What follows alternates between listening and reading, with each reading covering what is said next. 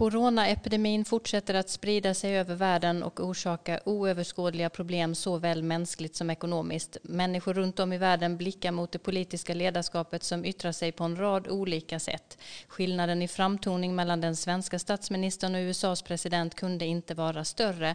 Men också strategin som Sverige valt och som bygger på idén om människors starka tilltro till myndigheter skiljer sig mot vägen man valt i USA just nu. Hur ser skillnaderna ut i den politiska kulturen mellan Sverige och USA. Det pratar vi om i dagens avsnitt av Amerikaanalys. Podden som bygger på över hundra år av samlad forskning och erfarenhet av samhällsutvecklingen i USA.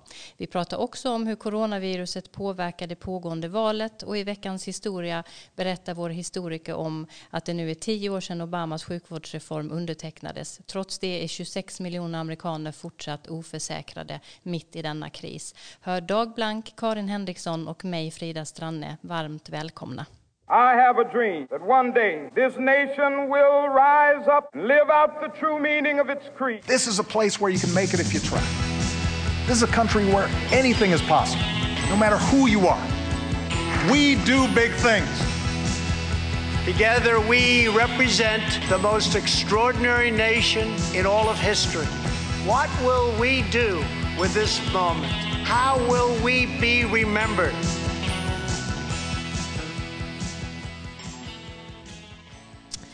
Ja, varmt välkomna som sagt. Dag och Karin, först måste jag fråga er hur ni mår givetvis och hur era livssituationer ser ut nu mitt i allt detta. Ni sitter på två olika platser i världen, eller vi sitter på tre olika platser i världen, eh, som ju också har två våra länder har två olika strategier för att möta den här pandemin. Dag, du är mitt i Stockholm och Karin mitt i Washington DC. Hur ser det ut för er? Karin, eh, Washington idag, kan du ge oss en liten bild av det? Ja, i Washington har eh, restriktionerna skärpts efterhand och eh, det, det är rätt hårda restriktioner här och min tunnelbanestation till exempel är stängd vilket jag ju, det är lite, lite konstigt. Men man, man får gå ut, man får inte vara med i grupper med än tio personer och för min del, så jag tror jag sa det förra gången, är det inte så stor skillnad. Jag sitter ju i mitt lilla kontor här och med skrivbordet, men det är klart att det är otäckt, det är jätteotäckt. Och nyhetsflödet är ju förfärligt. Mm. Dag, hur ser det ut i centrala Stockholm? Ja, i centrala Stockholm har trafiken minskat märkbart men människor rör sig ju fortfarande på gator och torg. Det får vi ju fortfarande göra i Sverige även om vi ska ha, hålla ordentliga avstånd till varandra. Jag tillhör den kategori som jobbar hemifrån numera. På universiteten har vi gått över till distansundervisning via Zoom, det fantastiska programmet Zoom. Och mycket av interaktionen med kollegor och studenter sker genom det. Så jag sitter också vid mitt skrivbord och tittar ut över Kungsholmens tak och eh, eh, jobbar på. Mm. Själv sitter jag mitt ute på landet utanför Halmstad och just här märks eh, nästan ingenting av det som pågår runt om i världen. Men det blir också lite konstigt eh, när man som jag samtidigt läser och följer nyheter och presskonferenser från runt om eh, hela världen där detta ju pågår. Och drabbas gör vi ju faktiskt alla på ett eller annat sätt med förlorade jobb, oro för anhöriga och så vidare. Men det är uppenbarligen stora skillnader för vårt, vår rörelseutrymme som vi har. Men hur sållar ni i nyhetsflödet tänker jag också på. Eh, vi är ju alla vana vid att ta till oss stora mängder fakta, söka information. Vi, vi lever ju i det här ständiga flödet på olika sätt. Och hur tänker ni i de här tiderna när det gäller all information som nu strömmar över oss, Dag? Ja, jag tänker så att man får fortsätta att ta del av de vanliga informationskanalerna som man normalt sett jobbar med tycker jag och jag tror att det finns en risk i att bli alldeles fixerad vid de senaste uppdateringarna, de senaste flasherna som kommer. Så att på något sätt så får man delvis hålla det här ifrån sig också, annars blir man alldeles överväldigad. Så känner jag i alla fall. Mm. Och Karin? Ja, jag är ju som alltid väldigt tacksam över att internet finns, att man kan verkligen söka och, om det är något man undrar över. Då finns det ju alla möjliga sajter. Men samtidigt då så är ju detta en påminnelse om att hur mycket felaktig och falsk information som finns och hur mycket konspirationsteorierna sprids och också hur hårt tonfallet är på till exempel Twitter. Det är ganska obehagligt det också. Mm. Jag försöker hålla mig uppdaterad eh, främst genom att lyssna på presskonferenser som hålls eh, både här i Sverige av vår, vår regering och myndigheter men också Världshälsoorganisationen i första hand försöka lyssna på smittskyddsexperter och läkare och andra eh, med god kunskap om detta. Jag läser så lite som möjligt även om det är svårt att stå emot eh, vad andra säger om de här experterna och råden och så. Men det är väldigt svårt idag tycker jag när analyser och rekommendationer också görs mitt under en pågående kris och, och debatterna blir så infekterade och vi är ju alla också drabbade vilket ju gör att eh, intresset för det här att hålla sig uppdaterade är givetvis starkt. Jag följer däremot väldigt, väldigt noga de instruktioner som kommer från, från myndigheterna. Ja, i dagens program så ska vi bland annat prata om Eh, valet som nu har stannat av får man ju säga. Och innan, innan vi talar om det politiska ledarskapet som vi ska komma tillbaka till och hur det tar sig i uttryck i Sverige och USA just nu eh, så vill vi rikta blicken lite mot eh, det här valet som har stannat av.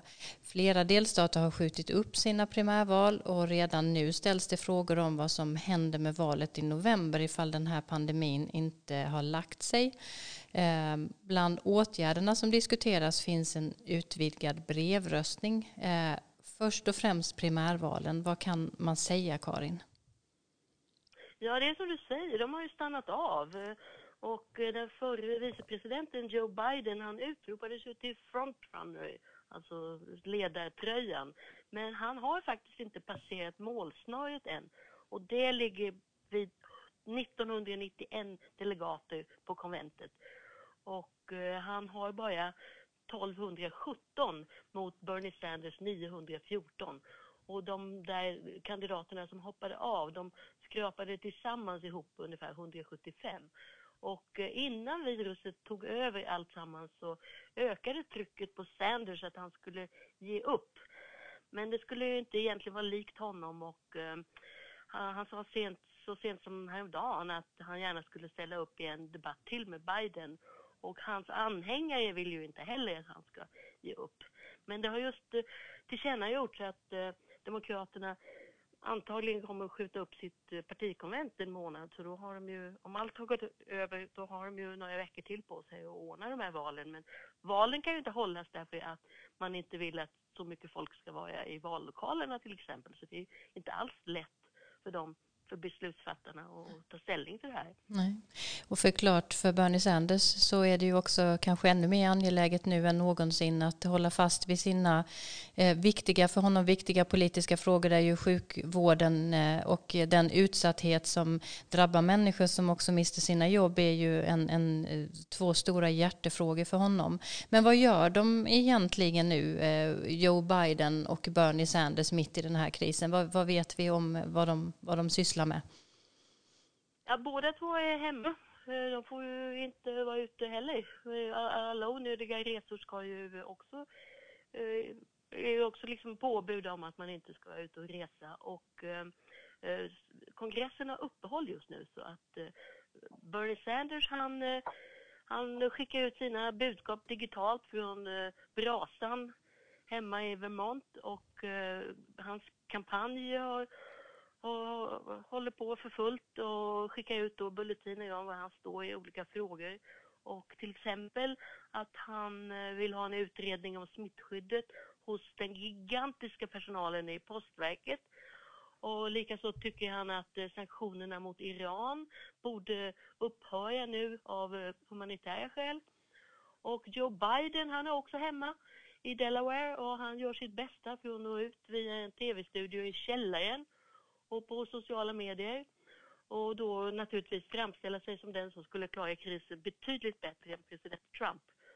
Men utan tvekan är det här ett stort bakslag för Biden. Han syns ju inte. Det här är ju en amatörproduktion hemma i källaren som sagt. Och eh, ska då ställas mot eh, Donald Trump som ju framträder så gott som varje dag nu i, eh, framför, eller bakom podiet i Vita huset. Och tittar man eh, på sociala medier och följer eh, de båda huvudkandidaterna där nu i, på Instagram till exempel så tycker jag att eh, Bernie Sanders syns och hörs eh, betydligt mer. Är det din bild också eller är det Med en betraktelse från svenskt perspektiv bara. Ja, om du menar kampen mellan Bernie och Precis. Joe Biden så stämmer det nog för att Biden har ju, han, han låg ju så illa till då för, för eh, primärvalet i South Carolina så han hade ju inte den kampanjstab som Bernie har. Så det är nog helt enkelt skälet till det, att mycket i Bernie-kampanjen rullar på medan då Biden har hela tiden legat efter. Och det märks nog också i, i, i i kassakistorna och det kostar ju pengar allt det här att ha folk så att Mm. så är det nog. Och Bernie Sanders är ju omvittnat ja. väldigt duktig på just sociala medier också, får man inte glömma. Han, eh, Nej, och han har ju lite bakgrund. Han, han var ju dokumentärfilmare själv så att han har ju, och han har ju också varit med förut så att säga på, i den här nya miljön. Det har ju inte Biden varit på samma sätt. nej, precis. Det är ju nu ganska exakt sju månader kvar till valet den 3 november. Hur väl ligger partierna till i sina förberedelser? Kan man förbereda något alls just nu? Ja, det kan de ju. De, de jobbar ju säkert på, på alla sätt eh, som vi har liksom varit inne på. Och eh, där är det så att Trump-kampanjen, de har hunnit långt i förberedelserna. De har pengar, de är synliga på alla sociala medier, de har ett väldigt väloljat digitalt maskineri och de har ju också haft alla de här Trumps rallies, alltså hans massmöten. De, de, de har använt dem som ett slags mobilise- mobiliseringsredskap. Att samla in namn och adresser och helt enkelt försöka verkligen se till att eh, de här Trump, mest inbitna Trump-väljarna verkligen är engagerade och, och tänker rösta i höst. Men Biden då som sagt, han, han låg ju lite efter så han måste nu spurta nu på allvar. Och eh, vad gäller valen till kongressen som är minst lika, inte, jag ska inte säga, höll på att säga minst lika viktiga, men det är de ju nästan. Där så eh, sker det på två plan, dels av grupper inom själva kongressen och dels i partihögkvarteren, det vill säga DNC och RNC. Och i förra valet så hade, alltså 2016, så hade RNC ett övertag. För de hade i sin tur spurtat för att kunna mäta sig med de insatser som gjordes för Barack Obamas kampanj 2008 och 2012. Och de här bägge organisationerna de leds av två doldisar. Tom Perez, demokraten i DNC och republikanen Ronald McDaniel i RNC. Och de ansvarar för den övergripande strategin, pengainsamling och sen då lite strömlinjeformning av budskapen. Mm. Ehm, pratas det någonting om valdagen i november? Som jag sa inledningsvis eh, så är ju ett frågetecken om pandemin drar ut på tiden. Vad, vad säger man om det just nu? Hur, hur går diskussionen?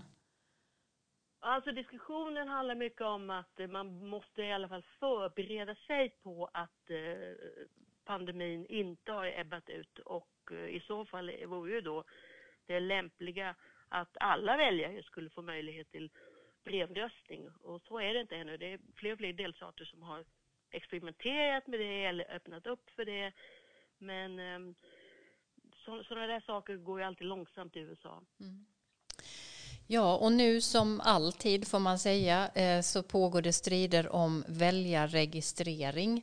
Eh, med den här ehm, pandemin kan man ju tro att det har blivit viktigare för mer progressiva krafter att få gehör för de utsatta som inte normalt använder sin demokratiska röst. Och en eldsjäl som är ute och försöker mobilisera min minoritetsröster är pastorn William Barber från North Carolina. Och han dundrade på nyligen. Eh, vi har ett ljudklipp här med honom.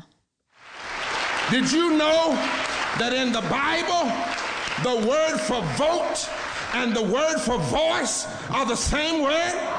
Yeah, I feel something right now. The word in Hebrew is koil. And every time it talks about God speaking, it says koil. And God spoke koil. And the same word for voice is vote. So we need to use our vote and let God speak through our votes. Y'all don't hear what I'm saying. Vote for justice and let God speak through our votes. Vote for love and let God speak through our votes. Vote for health care and let God speak through our votes. Vote for justice and truth and let God speak through our votes. It's time for America to hear righteousness speak, to hear love speak, to hear truth speak. Touch your neighbor and say, neighbor, your vote is not just political, it's theological. God gave it to you. The folk on this wall died for it. And it's high time that we speak and let God speak through us. If there's ever been a time we ought to open our mouths and go in a ballot box and let God speak through us. Like the devotees of the civil rights movement, let God speak for them. If there's ever was a time that that needs to happen, it's right now, right here, right now, right here, in this moment. Ja, Karin, eh, från när är detta som vi precis hörde? Det är för ett par veckor sedan i Brown Chapel, legendariska Brown Chapel i Selma i Alabama. Och jag var där och eh, eh, som vi hörde så kastade sig pastor Barber lite fram och tillbaka mellan sin liksom svarta pastorsröst och mer lite lugnare tonfall. Men det handlar om att, att, eh, att rösta är ett sätt för Gud att påverka samhällsutvecklingen. Men hur som helst, det här hände på, inträffade på ett, eh, ett, eh, ett möte var det faktiskt eh, med medborgarrättsgrupper som hade ordnat ett seminarium om det som kallas för voter suppression, alltså att försöka hålla nere antalet väljare. Och det finns många knep. Först och främst då kraven på registrering och de kan vara mer eller mindre krångliga.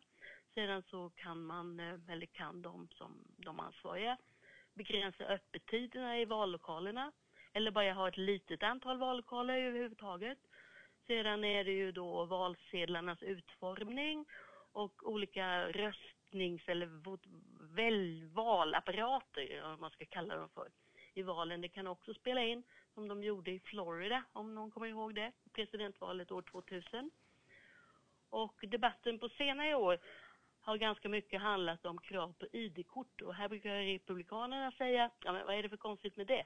Men då invänder demokrater att i synnerhet kanske äldre svarta inte har körkort eller råd att skaffa en ID-handling med foto och de behöver inte heller ha någon för de är aldrig på flygplatser, behöver, för de flyger inte någonstans och behöver alltså inte visa upp den typen av ID-kort. Och talaren som sagt, han heter alltså William Barber och han driver en Poor People's Campaign i Martin Luther Kings anda. Och de har planerat ett stort jättemöte i Washington i juni, 20 juni 2020 som de säger, om det nu kan bli av. Men, och hans syfte med detta är i första hand att uppmärksamma fattigdomen som faktiskt är dödligare än eh, coronaviruset. Och enligt Barber så avlider en kvarts miljon amerikaner varje år på grund av fattigdom och alltså inte tillgång till sjukvård och eh, dåliga bostäder och allt alla de andra faktorerna. Mm. Men han, han menar alltså att, han, att de, de här fattiga de inte har något inflytande efter, och han eh, framhåller ju också att rösträtten är mer kringskuren idag än vad den var 1965. Och därför har han tagit initiativ till en röstregistreringskampanj, främst i sydstaterna.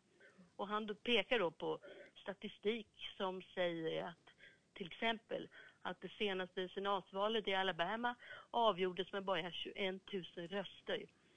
Fler röster alltså för Republikanerna. Och när det gällde guvernörsvalet i North Carolina senaste gången så handlade det bara om 10 000 röster. Och i presidentvalet i Georgia var det bara 231 000 röster. Så han menar att eh, får vi in fler väljare så kan sydstaterna plötsligt blir demokratiska och det får vi ju se. Men han, han, han är väldigt, väldigt intensiv och väldigt närvarande och reser runt hela tiden. Mm. Jag vet, vi har ju faktiskt eh, sänt den här podden eh, från Selma i Alabama eh, tidigare i höstas. Och jag återkommer då och då till det att jag tror att få eh, här i Sverige förstår riktigt hur utarmat och hur väldigt, väldigt fattigt vissa delar av USA är där Alabama ju, eller delar av Alabama verkligen också utmärker sig. Eh, och det är skakande att åka i många av de här områdena och se eh, människor eh, livsmiljö som man har och som eh, på många sätt drabbar svarta men som också det finns vita arbetarklassområden som där verkligen livet eh, har sugits ut ur eh, områden efter områden. Ehm, men när det kommer till det här med ehm, just eh, valsystemet och svårigheterna för olika grupper att utnyttja sin röst. Pratas det mycket om det här i USA? Är det din uppfattning att man har en, en livfull debatt om detta? Ja, det, det, det, är klart, det förs väl inte i så stora grupper, men absolut. Det är ju på debattsidor och i synnerhet då i demokratiska kretsar är detta ett ständigt ämne. Hur ska vi se till att öka valdeltagandet? Hur ska vi få se till att de här marginaliserade grupperna engagerar sig och, och faktiskt röstar? Mm. Och eh, i, i, i då William Barbers fall så vill ju han, precis som Martin Luther King var inne på innan han mördades, att eh, svarta och vita låginkomsttagare måste gå ihop, annars blir det ingen ändring. Och eh, Barber menar att republikanerna, de gör vad han kallar racialize eh, hela valdebatten. Alltså att, att man gör det till en rasfråga. Men han menar att nej, vi måste se det som en klass och fattigdomsfråga. Mm. Just, jag, får ja, jag skulle precis fråga dig idag för att jag tänkte på det när jag möter studenter och diskuterar de här frågorna just om krav på registrering och annat så är det många som reagerar just på eh, hur får det, får det gå till så i en demokrati och att det verkar väldigt utstuderat också hur man försöker minska röstandet i vissa grupper i vissa delstater. Vad, eh, vad tänker du om det Dag? Ja, det är en gammal, som Karin var inne på, en, en gammal klassisk amerikansk paradgren att försöka begränsa tillgången till, till röstlokalerna helt enkelt genom olika typer av lagar har vi haft det under lång tid efter inbördeskriget då när slaveriet upphävdes, så kallade Jim Crow lagstiftningarna som ju var en mycket viktig del av medborgarrättsrörelsen på 1960-talet Eh, för att försöka reglera, och komma åt detta och det kulminerade ju i, i The Voting Rights Act 1965 där man på ett ganska effektivt sätt försökte förhindra eh, detta. Och The Voting Rights Act 1965 ledde ju till en ökad, eh, ett ökat, markant ökat röstdeltagande bland den, framförallt de svarta i sydstaterna. Och det fanns en speciell del av The Voting Rights Act, eh, nämligen sektion 5, som sa att de områden där man kunde se en mycket betydligt lägre valdeltagande bland svarta än, än, än, andra. De stod under speciell uppsikt av den federala regeringen. Det fanns en så kallad pre-clearance, att man fick inte ändra på regelverket på något sätt i de områdena utan att den federala regeringen, justitiedepartementet, godkände detta. Och det ansågs vara en väldigt viktig del av, av The Voting Rights Act. Och 1900, 2013 så upphävdes delvis den delen av The Voting Rights Act genom ett mycket viktigt utslag av Högsta domstolen, Shelby County versus Holder, där man menade att eh, det var inte längre så att det var en, en, en ojämlikhet när det gäller vem som röstade. Och då behövdes inte denna pre-clearance-regel eh, längre och eh, eh, Högsta domstolen sa att man kunde inte kräva det utan eh, man fick, kongressen skulle reglera det här på ett annat sätt. Och just detta utslag i Högsta domstolen 2013 var ett stort bakslag för de försök som ändå pågår att vidmakthålla och förhindra begränsningen av, av rösträtten. Mm. Det verkar pågå en mer eller mindre konstant strid om valsystem. Eh, Donald Trump tog upp det kortfattat i en intervju med Fox News i förra veckan. Vi ska lyssna väldigt kort på detta, vad han sa eh, här. I want every American to be prepared for the hard days that lie ahead. We're going to go through a very tough two weeks. This is going to be a very painful, very, very painful two weeks. Ja. Karin? Ja, nu blev det väl fel ljud Ja. där. Det där handlar ju om... Men det, det, det, vi skulle haft med, det är, Visst, där ja. säger Trump att, att eh, i princip om Demokraterna hade fått igenom vad de ville i det här jättestora paketet som antogs i kongressen, krispaketet, då skulle ingen republikan någonsin kunna vinna. Och eh, det var så att, att Demokraterna hade lagt in en massa, begär, en massa krav på medel då till bland annat förberedelse för brevröstning.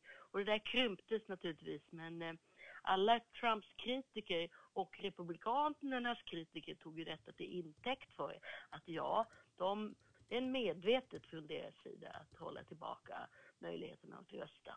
Mm. Ehm, Dag, har det alltid varit så här?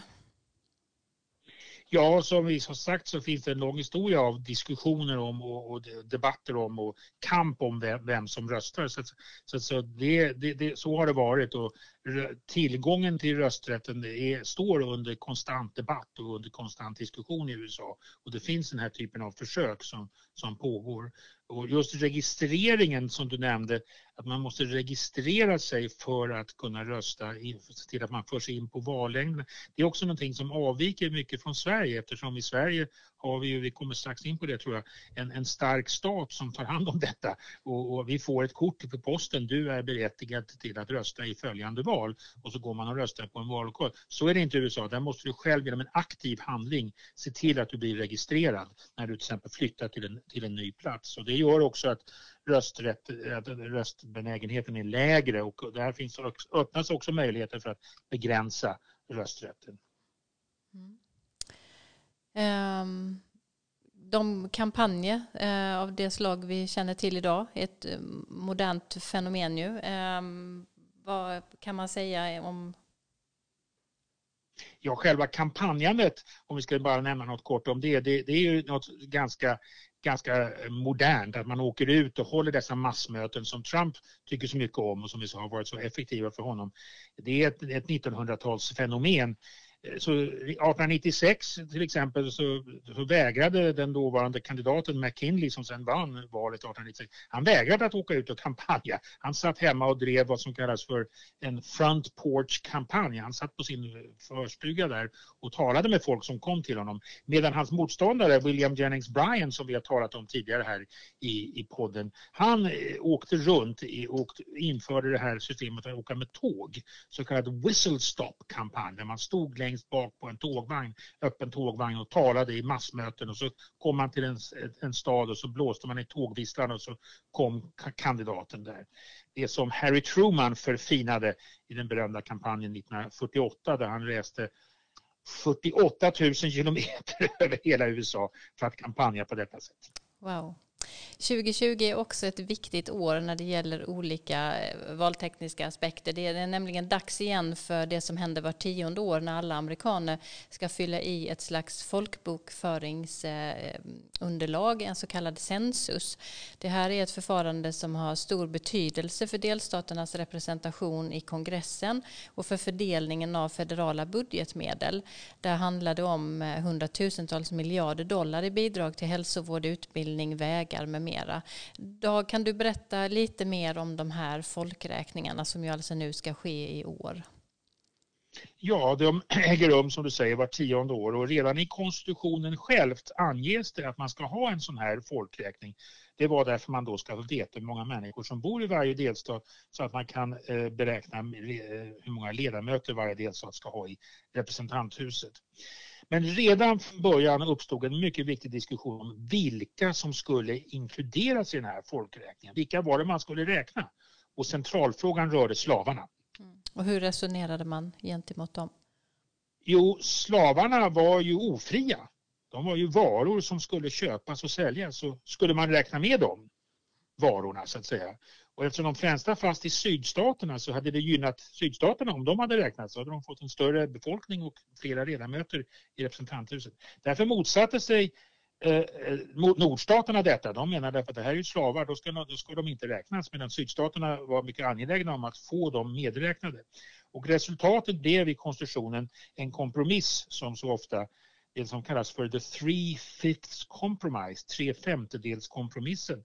Där man bestämde sig för att fria personer, det vill säga de vita, skulle räknas som en i alla delstater medan vad man kallade för all others, det var alltså slavarna, de skulle räknas som tre femtedelar av en person. Så att det gjorde då att... Jag bara säga något. Jag bara säga något. Ja, visst, varsågod. Förlåt. Kvinnorna hade dock ingen rösträtt. Alls. Nej, de hade ingen rösträtt, men de räknades med i befolkningsunderlaget. Ah, Okej, okay, okay. Mm, intressant. Eh... Men i och med att slaveriet avskaffades sedan efter inbördeskriget så, så, försvann den frågan om, om, om de svarta skulle vara med så att säga. Då, då blev de inräknade. Men det var en fråga om vilket som var med, vem, är del, vem finns i USA, vem är del av befolkningen? Mm. Så kvinnor var en full del av befolkningen men inte slavarna? Just så. Mm. Eh, om vi då går till idag, hur används eh, Census eh, numer? Ja, som du nämnde här så är det ju en oerhört viktig källa för statistik om hur det amerikanska folket ser ut. Och eh, för, det används mycket viktigt för att veta hur många människor som bor i delstaterna. Och det påverkar alltså representanthuset. Om, om en stat har minskat i, eh, i befolkning så förlorar man ju en, en eller två kanske ledamöter i representanthuset och då måste detta redistricting ske i den delstaten. Man re, ritar om valkretsarna och det får konsekvenser. Men sen samlas det in en enorm mängd av data om befolkningen. Sociala, ekonomiska, utbildningsmässiga, eh, demografiska data om befolkningen som ligger till grund för många, många olika eh, program, federala lagar och stödprogram och så vidare som har att göra med hur situationen ser ut. Så det är en mycket viktig kunskapskälla som får konsekvenser, kan få stora ekonomiska konsekvenser. Till exempel antidiskrimineringsarbetet som bedrivs genom det här affirmative action-programmet, det bygger på att man vet hur många människor i de olika etniska grupperna som bor i landet och Eh, om de är överrepresenterade eller underrepresenterade i olika delar av samhället. Så det spelar mycket stor roll att den här eh, myndigheten finns och, och samlar in data. Det, är alltså, det skickas ut formulär igen. Staten vet inte detta, den är tvungen att fråga folk och folk fyller i formulär numera online. Jag har flera vänner i USA som har berättat om vad de har fyllt i nu, censusen och på vilket sätt de svarar och hur de beskriver sig själva och hur de är. Just det, på grund av dess väldigt stora betydelse faktiskt måste vi understryka här, du har gett flera exempel redan eh, av, den här, eh, av det här censusarbetet Eh, arbetet så finns det ju all anledning för oss att komma tillbaka och ha ett fördjupande tema om, eh, om detta som ett ämne och det tror jag faktiskt att vi ska göra under året eh, någon gång. Eh, jag inser att det är tidigt att ställa den här frågan, men hur tror ni eh, att valet kommer att påverkas av coronaepidemin eller pandemin? Karin? Ja, det är ju tidigt som du säger och eh, vi får ju se naturligtvis. Men eh, Trump har ju alltmer framställt sig som krigspresidenten och han eh, talar om en osynlig fiende som ska besegras. Men det var vicepresidenten Mike Pence som fick gå ut och jämföra kurvan över smittade med Italien. Alltså en mycket brant uppåtgående kurva som utpekats som den värsta tänkbara. Bortsett då från att vi ju inte vet riktigt om sanningen i Kina. Men hittills så går det rätt trögt med allt det som Trump utlovar på sina två timmars presskonferenser varje dag. Han har sagt att det ska bli fler och bättre tester utrustning till vårdpersonalen, leverans av respiratorer. Men som sagt, det här trots då alla siffror han svänger sig med och han bjuder in storföretagschefer för att de ska berätta om allt de gör, så går det som sagt trögt. Och det är lite två verkligheter vi ser. Dels så hans allt mer positiva eh, bild av vad han gör och han säger då i vanlig ordning att eh, ingen har någonsin gjort lika mycket som jag mot då eh, nyhetsrapporteringen om eh, brister på, på utrustning och eh, väldigt hård press på sjukhusen. Och det senaste som dök upp här i min eh, brevmaillåda var ett utskick från utrikesdepartementet, State Department, om att USA har köpt utrustning från Ryssland. Och det är ju förvånande av minst två skäl.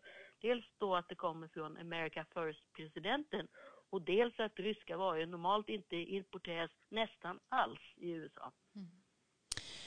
Eh, ja, hans eh, popularitetssiffror eller förtroendesiffror får man väl säga också i hur han hanterar den här krisen har ju eh, satt honom i en ganska god dag får vi säga. Vi kommer tillbaka lite till det eh, lite senare här. Eh, men vad säger du Trump, eller du, du Trump, du Dag skulle jag säga, eh, om eh, hur det kommer att påverka eh, valet med den här coronapandemin? Det är väldigt svårt att eh, säga något specifikt om det, men som jag påpekade, som Karin påpekade, har han lite grann vänt här. Han avfärdade ju den här krisen från början, men nu har han ju, talat han i mycket mer eh, allvarliga termer om den stora faran och hur många som kan dö. När vi lyssnat på de här fruktansvärda förutsägelserna från Imperial College i London. Och nu kan man notera som Erik Åsard, vår podd och bloggkollega påpekade i morse för mig, att nu eh, kommer han att, kan argumentet vara att titta om det var så att två miljoner personer skulle kunna dö i ett sorts worst case scenario så kan argumentet bli att titta jag räddade två miljoner amerikaner. Och eh, det kan bli ett argument inför höstens valkampanj. Mm. Ja, om vi ska gå över lite till just eh, krishanteringen och eh, de olika ledarstilarna eh, mellan Sverige och USA och eh, Eh, utan att diskutera någonting kring vad som är rätt och fel strategi, för det är ingen av oss som kan göra det utifrån vår kunskap.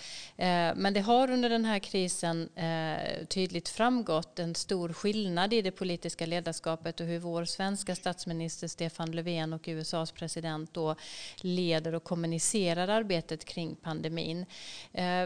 Vi kan höra ett par korta utdrag ur deras eh, olika presskonferenser här och de är inte riktigt jämförbara men ändå lite för att få en känsla av hur det har låtit. Det, första inslaget från ehm, Stefan Löfvens senaste presskonferensframträdande.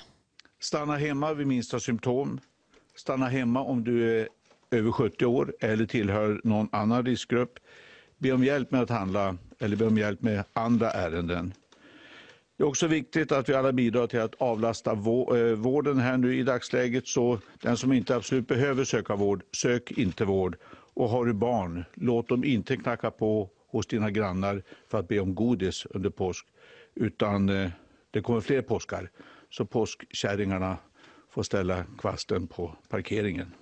Mm. Eh, det var lite dålig ljudkvalitet på delar av den presskonferensen men här kunde man också höra efter detta hur Stefan Löfven hänvisade till olika myndigheter som ju också vid de här presskonferenserna har varit närvarande hela tiden och egentligen dominerat ehm, presskonferenserna med information från olika myndighetschefer.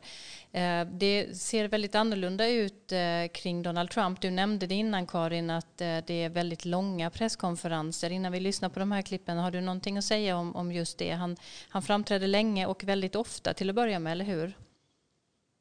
Ja, i princip varje dag faktiskt. Eh, eh, de ska börja klockan fem men de brukar inte börja förrän halv sex, kvart i sex. Och det är väl många som misstänker att eh, det är därför Donald Trump är prime, närmar sig prime time i tv med stor publik. Och det har varit stor publik på de här, i alla fall hittills. Och ja, han, han använder ju mesta tiden åt att prata kan man säga. Så det är, om man ska liksom tala om själva budskapen så upptar de ganska kort tid av den totala tiden. Mm. Man får nästan en känsla av, eh, som vi har pratat om några gånger, att eh, liksom lite av hans kampanjande går över i de här eh, presskonferenserna. Är det, är det oskäligt eller o, fel att säga så? Ja, alltså det, de, för alla så kallade never-trumpers är de naturligtvis det. Och eh, han trivs ju verkligen, det märks. Han, han verkligen älskar att stå i rampljuset på det här sättet. Och eh, eh, en tidigare president skulle jag gissa skulle ha liksom möjligen framträtt några minuter och sen skulle lämnat Sen skulle lämnat lokalen och låta då experterna tala, men han har, gör, gör det mer och mer till en show. Men man ska också komma ihåg att det är ju faktiskt, han är president och det är många människor som lyssnar som vill veta, som är nyfikna och nu är ju då tio, vad säger man, det har sett siffror bara, men 90 procent av folk är liksom hemma i landet. Så det är klart att, att det finns en publik som, som är nyfiken. Mm. Jag väntar lite till med ljudklippet från en sammanställning av lite olika uttalanden han har gjort. Eh, eh, vi ska prata lite om de här skillnaderna som ändå finns både i det politiska ledarskapet men kanske framför allt eh, hur skillnaderna ser ut i svenskars och amerikaners tilltro till myndigheter och experter på olika sätt. Vad i de här skillnaderna består och vad de är ett uttryck för. Om vi börjar där, Dag, kan du säga någonting generellt om de kulturella skillnaderna som finns mellan våra länder när det gäller det här? Ja, man talar ju ofta om hur nära vi står i USA och hur lika vi är i USA. Det stämmer ju på många sätt naturligtvis, från om amerikanisering och så vidare. Men en avgörande skillnad här handlar om synen på staten. Om vad den kan och ska göra och det är det jag tror spelar viktig roll här. Mm. Kan du ge några exempel på det? Ja, det finns en lång rad undersökningar här. Det finns en, en uh, University of Michigan som har sedan 50-talet mätt den amerikanernas förtroende för den amerikanska regeringen om den handlar på ett korrekt sätt, om man har förtroende för det sätt som den handlar. Och eh, det finns en lång, lång tidsserie där som, som statsvetarna eh, kan använda på ett framgångsrikt sätt. Och I slutet av 1950-talet svarade tre fjärdedelar av amerikanerna att de hade stort förtroende för regeringen och litade på den. Medan nu har den gått neråt och eh, framförallt på 1960-talet inleddes en, en, en, stark nedgång under Vietnamkriget och under, under Watergate-affären senare. Så. Och idag ligger siffran på 17 procent eh, för, för amerikanerna att de, att de har förtroende för att staten handlar på ett rätt sätt. Mm. Eh, man pratar som vi konstaterade alldeles nyligen ju om olika befolkningsgrupper i USA och minoriteter som kategoriseras på ett sätt som vi också är väldigt ovana vid här i Sverige. Och utifrån det, kan man se, se några skillnader mellan befolkningsgrupper när det gäller de här frågorna, förtroendet för, för staten och myndigheter? Ja, det kan man göra och man kan se att det förtroendet numera idag som så mycket annat är knutet till partipolitik. Att man ser det genom sina politiska eh, glasögon. Så att säga. Demokraterna litar mer på regeringen under demokratisk president och samma sak för Republikanerna. Idag är det då 21 procent av de, de republikanska sympatisörerna som litar på regeringen och för Demokraterna är det 14 procent. Det är låga siffror men det är en klar skillnad mellan de politiska sympatierna. Dessutom kan man se att det varierar under bättre ekonomiska tider som på 90-talet. Då gick förtroendet upp och i samband med en kris som 11 september så gick förtroendet ännu mera upp och då ställde man sig bakom staten och regeringen och presidenten. Men det kan man också se att det är en kortvarig effekt. Om man sedan jämför med Sverige, de här låga siffrorna i USA då, så är läget i Sverige radikalt annorlunda. Här ligger förtroendesiffrorna för myndigheterna och för regeringen och det sätt man hanterar frågorna på mellan 60 och 75 procent.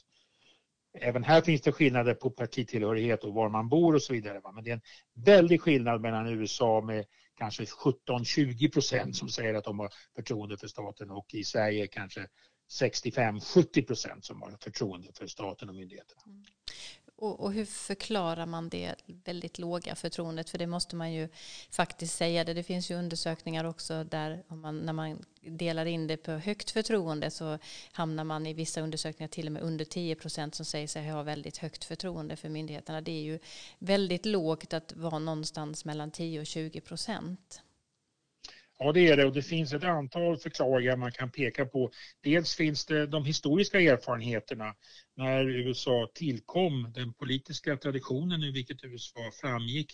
Det, var ett inneboende, det fanns en inneboende misstänksamhet mot för mycket makt. Man vill inte ge för mycket makt till, till någon och motståndet mot den centralmakten i Storbritannien, den engelska kungen och det ledde då till den konstruktion som vi har idag och den här konstruktionen med maktdelning där man delar upp makten på, eh, på så många olika händer man kan eller på ett antal olika händer man kan för att minska makten eh, för, för någon del av systemet.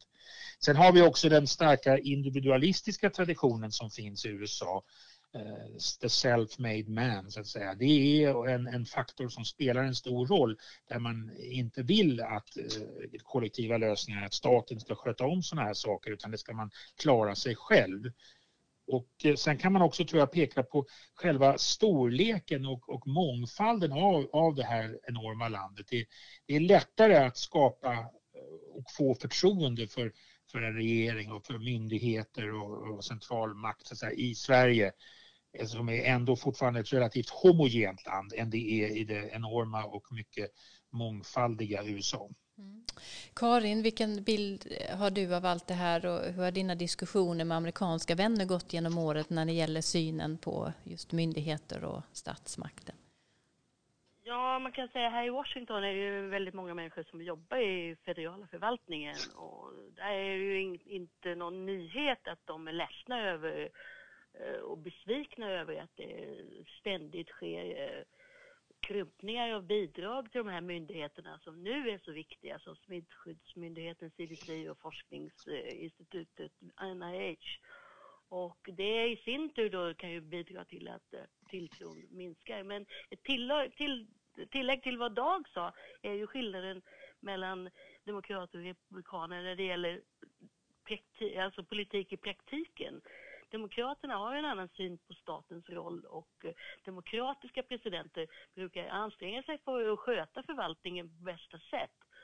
Och det har, brukar märkas särskilt när det gäller katastroforganet FIMA där då demokratiska presidenter är angelägna om att, att tillsätta chefer som har en bakgrund i, i, i logistik helt enkelt och inte dela ut en sån eh, tjänst som en slags eh, present till någon eh, rik donator. Mm. Eh, nu, läget just nu är att så gott som alla delstater har mer eller mindre någon form av strikt lockdown och eh, flera delstatsguvernörer är också synligare än på länge. Eh, inte minst eh, har vi hört eh, Andrew Cuomo i, i, New York. Eh, jag tänkte vi kanske ska höra lite på Trump. Eh, just, eh, han har ju fått mycket kritik för att han Eh, Eh, har eh, dels agerat sent i den här eh, pandemin, att han avfärdade den inledningsvis och att det kommit många olika budskap men att han sen ändå får det att framstå som att han har varit väldigt handlingskraftig. Vi lyssnar lite på lite olika klipp som hoppar lite tidsmässigt här men ändå ger en bild av hur han har uttryckt sig. We have very little problem in this country at this moment, five. When you have 15 people and the 15 within a couple of days is going to be down to close to zero. And I just see you right now, it's about 149 cases. We pretty much shut it down coming in from China. It will go away, just stay calm. I am officially declaring a national emergency. We have a problem that a month ago nobody ever thought about. You know, a lot of people think that goes away in April, but they think uh, August, could be July, could be longer than that. And I haven't touched my face in weeks. in weeks. Now we're working very strongly with China on the coronavirus. That's uh, a new thing that a lot of people are talking about. Hopefully, it won't be uh, as bad as some people think it could be, but we're, wor- working very closely with them and with a lot of other people in a lot of other countries, and we think we have it very well under control. Uh, we have very little problem in this country at this moment, five. How concerned are you? Well, we pretty much shut it down coming in from China. Uh, we have a tremendous relationship with China, which is a very positive thing. Getting along with China, getting along with Russia, getting along have with you offered countries. the Chinese president help with the coronavirus? Oh yeah, well, no, we are offering them tremendous help. We have the best in the world for that. We've done a tremendous job in many other instances also on that, even recently. Uh, no, no, we've offered China help, but we can't have thousands of people coming in who may have this problem, the coronavirus. So we're going to see what happens, but we did shut it down, yes. Now, the virus that we're talking about having to do, you know, a lot of people think that goes away in April with the heat, as the heat comes in. Uh, typically, that will go away in April. We're in great shape, though. We're, we have 12 cases, 11 cases. And 61% of the voters approve of Ja, det var lite olika eh, uttalanden från Trump eh, under de senaste månaderna här. Eh, och det är väl del av den kritiken som vi hör nu också riktas mot honom, Karin, eller hur är det? Bland annat då från, från delstatsguvernören i, i New York. Ja, alltså först och främst kan man ju säga då att eh, medierna har ju gjort de här sammanställningarna. Hur det gick från att tala om att vi snart kommer inte ha någon till det allvarliga läge det är nu. Och eh, det, det, är det ena, det är bakgrunden och eh, Donald Trump måste ju nu liksom och det, det gör jag varje dag faktiskt på de här presskonferenserna, försöka liksom överskyla det här. Och han säger att jag visste hela tiden att det skulle gå så här. Men det är never Trumpers så att säga, tror ju inte på honom. Så det här kommer bli en, en, liksom en slag om folks eh, åsikter och folks slutsatser av vad som har hänt. Och sen har det då utvecklats till två liksom nästan duellerande presskonferenser. En saklig och faktaspäckad med Andrew Cuomo i New York och sen då de här långa ett par timmar senare med, med Trump. Då, och han anklagas i vanlig ordning för att, att överdriva och, och, och, komma med rena felaktigheter och ganska fantasifulla påståenden också. En dag sa han att ja, ja, vi har de här fina sjukhusfartygen som är i Los Angeles och New York nu. Vi ska bygga två till. Och det, liksom, det skulle ju ta flera år att bygga sånt. Men det, det här ingår i hans spel, att, att visa att han bestämmer. Men till saken hör ju också då att det är den här en annan slags maktdelning, nämligen ansvaret då mellan delstaterna och federala staten. Och Trump då är ju republikan och många runt honom är ännu mer republikaner så att för deras del har det ganska mycket gått ut på att säga att det här är också delstaternas ansvar. De ska sköta sitt och sen finns vi med som backup. Men mot det kan sägas att de Trump-administrationen har spelat ner riskerna för en sån här pandemi och att den kanske ändå, en sådan händelse, en sådan sjukdom, en sådan virus måste tacklas från en övergripande federal nivå. Mm. Ja, eh, vi eh, kommer att få eh, många skäl, tror jag, befarar jag, ska jag säga, att komma tillbaka till den här pågående pandemin och hur det påverkar människorna i USA, där vi hör skrämmande siffror om befarad antal döda när det här är över. Och också hur det påverkar politiken givetvis och den amerikanska ekonomin. Eh, men eh, vi stänger den diskussionen eh, för idag och går över till någonting helt annat.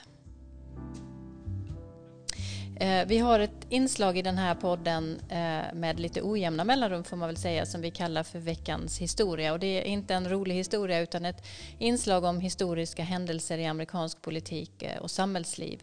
Och idag handlar detta korta inslag om den sjukvårdsreform som president Obama fick igenom 2010 som går under namnet Obamacare. Det var den 23 mars 2010 som Obama skrev under The Affordable Care Act som är det officiella namnet på den här lagen.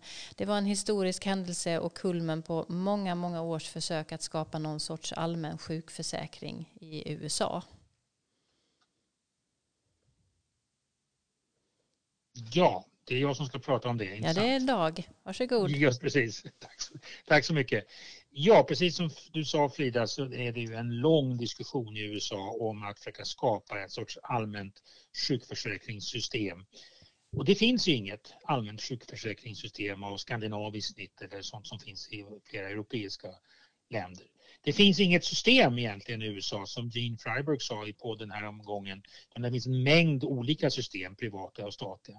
Och kampen för att skapa ett heltäckande sjukförsäkringssystem går tillbaka till början på 1900-talet och under Franklin Roosevelts New Deal som ju var en riktigt viktig period för statlig, statliga reformer och när det infördes arbetslöshetsförsäkringar och pensioner och så vidare en idé om att genomföra en sjukförsäkringssystem i samband med att man antog eh, Social Security-lagen, alltså den, som den allmänna pensionen. Men det drogs tillbaka. Är ni kvar? Absolut, vi är kvar. Ja, det pep här. Ja, i alla fall. Eh, så att under Franklin Roosevelt, det var det första, första försöket som, men som man drog tillbaka och det berodde på att eh, eh, intresseorganisationer från Eh, Eh, läkarna, eh, American Medical Association, motsatte sig det. Och det är ett tema som har funnits genom alla de här reformerna som har funnits sedan under Bill Clintons tid, under eh, 70-talet när Nixon och Ford försökte och även under Obama-diskussionerna kring Obamacare. Eh, så där man hade stora, mot, stora eh, lobbygrupper från försäkringsindustrin och från, från, från American Medical Association. För det som finns istället i USA är ju privata försäkringar och de flesta amerikaner som har sjukförsäkring har de knuten till sina arbeten. Idag är det så som du sa Frida att ungefär 26 miljoner amerikaner är oförsäkrade fortfarande. Andelen har sjunkit som en, som en del av Obamacare den federala regeringen då har antagit en mycket större roll när det gäller sjukförsäkringen. Man kan notera att det finns två statligt finansierade sjukförsäkringar som är mycket viktiga. Framförallt den som genomfördes 1965, Medicare, det är en allmän sjukförsäkring för pensionärer och Medicaid som är en försäkring som är inkomstbaserad för folk med låga inkomster. Och det är just Medicare, den allmänna försäkringen som finns för pensionärer som har stått i, i fokus för många av förslagen från Demokraterna, till exempel Bernie Sanders, som säger att vi ska utsträcka Medicare. Vi använder Medicare-systemet som redan finns sedan 1965 för pensionärerna och låter det omfatta alla. Men dit har vi ännu inte nått och eh, det verkar väl osannolikt att vi kommer nå en allmän sjukförsäkring i USA inom de närmaste åren. Mm. Tack så mycket för det.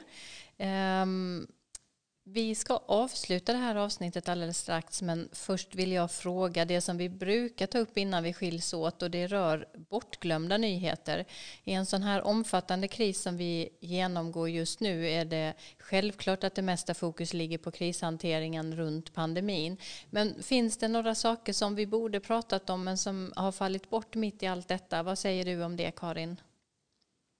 Ja, det finns ju händer ju saker hela tiden, men som sagt de överskuggas. Men eh, en sak som hände häromdagen var att Trump-administrationen visar att man fortsätter sin nedmontering av Barack Obamas eh, miljöreformer. Nu så lättade man på bestämmelserna om bränsleförbrukning i bilar. Och en annan sak som eh, är besläktad med eh, coronaviruset och ekonomin är att storföretagschefer har vädjat till Trump att han ska dra tillbaka de här strafftullarna. Och där ser man då som en slags ekonomisk stimulansåtgärd. Men han säger nej, han vill hålla fast vid dem. Ja. Eh, Dag, eh, vad ser du som eh, du tycker faller i skymundan nu för coronaepidemin som ändå är viktigt att belysa? Märkligt nog får jag säga presidentvalet för tre veckor sedan trodde jag aldrig att jag skulle säga så, men presidentparet som vi har poängterat flera gånger har ju helt fallit i bakgrunden. Mm.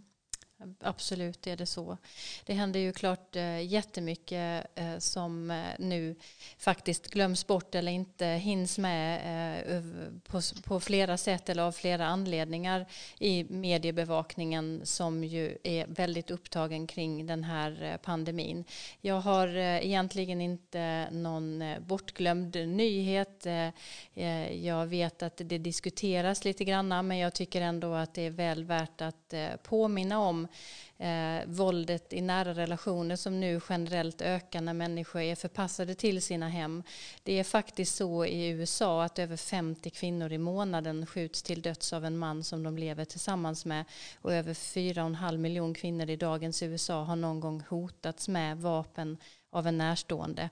Och detta är siffror som rör det genomsnittliga antalet i normala tider. Nu befaras det här öka som en konsekvens av att allt fler håller sig hemma i kombination med alkohol och drogkonsumtionen också ökar. Eh, och eh, jag antar att det här är och andra konsekvenser av det som nu sker i kölvattnet av pandemin kommer att diskuteras för många år framöver. Men det är viktigt att uppmärksamma eh, kvinnor på vart de ska vända sig eh, när de utsätts för våld och att det lyfts och diskuteras i media eh, kontinuerligt under kriser som dessa. Och med den dystra avslutningen i denna dystra tid måste vi säga så tackar jag er båda, Karin Henriksson, mångårig författare och journalist eh, mitt i Washington och Dag Blank, professor i Nordamerikastudier i Uppsala men just nu i Stockholm. Ni bidrar som alltid med initierade beskrivningar av hur vi ska förstå det som händer i USA. Tack också Johan Lindström för hjälp med ljud, eh, även om vi idag hade lite problem med den ena ljudupptagningen. Jag ber om ursäkt för det, men jag hoppas mer än någonsin att ni alla lyssnare är rädda om varandra, lyssnar på våra myndigheters råd och hjälp att ta oss igenom den här krisen. Och vi är tillbaka igen om två veckor. I have a dream that one day this nation will rise up and live out the true meaning of its creed. This is a place where you can make it if you try. This is a country where anything is possible, no matter who you are. We do big things. Together, we represent the most extraordinary nation in all of history. What will we do with this moment? How will we be remembered?